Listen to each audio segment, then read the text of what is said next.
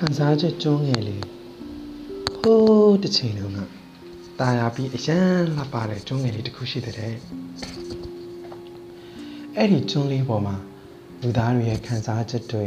အချင်းစရိုက်တွေအရေးချင်းတွေအတူတကွနေထိုင်အမိသေးပြုနေရတဲ့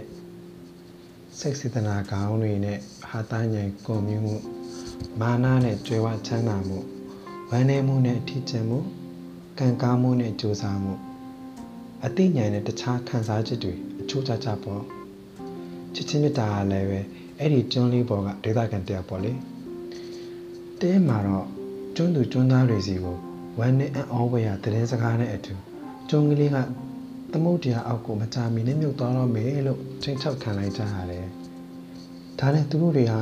ကျွန်းလေးကိုစွန့်ခွာသွားကြဖို့ရွှေလင်သင်းမောတွေနဲ့ထွက်ခွာသွားကြတဲ့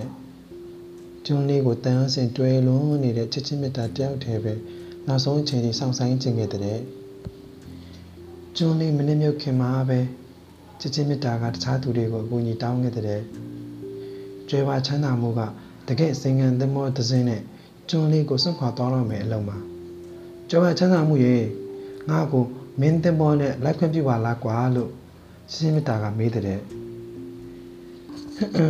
မရဘူးကွ ငါတဲမောပေါ်မှာကရွှေငွေတွေကြောင်းမြေရတနာတွေအများကြီးကွမင်းတို့ငါမှနေရမရှိဘူးဒါနဲ့ပဲတကယ်အမိုက်စားဒီဇိုင်းနဲ့ဖန်တီးထားတဲ့တမောကြီးနဲ့ဖြတ်သွားတဲ့မာနကိုချစ်ချင်းမေတ္တာကပြန်မေးတဲ့မာနရာ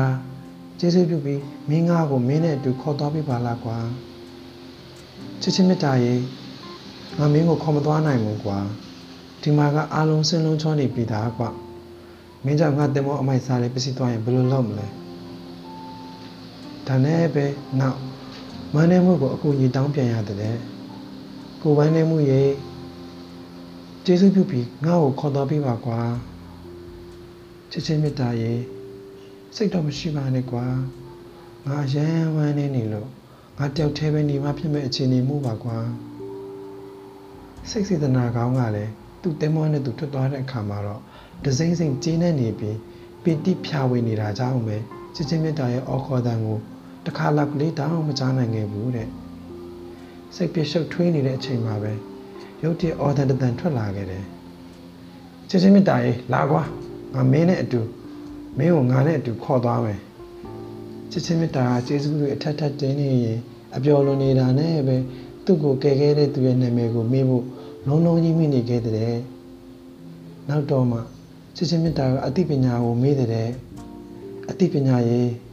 ငါ့ကိုဘယ်သူကကူညီခဲ့တယ်ဆိုတာကိုမင်းပြောပြပေးနိုင်မလားကွာသိရတာပေါ့လို့မတုံမဆိုင်အသိဉာဏ်ပညာကပြောရင်ပြန်ဖြေလိုက်တယ်အဲ့ဒါအချိန်ပဲကွာအချိန်ဟုတ်လားဘာကြောင့်အချိန်ကငါ့ကိုကူညီခဲ့တာလဲအဲ့လိုချစ်အဲ့ ကူညီခဲ့တာလေလို့ချစ်ချင်းမေတ္တာကတအံတော်နဲ့မေးပြန်တယ်ဘဝမှာချစ်ချင်းမေတ္တာကဘယ်လောက်ထိအရေးကြီးတယ်ဆိုတာကိုအချိန်တစ်ခုတည်းကပဲနားလည်နိုင်လို့ပေါ့ကွာဒါလေးကတော့ဂျာမန်ဝတ္ထုလိုတစ်ခုကိုကျွန်တော်ဘာသာပြထားခြင်းဖြစ်ပါတယ်ကျေးဇူးများတင်ပါတယ်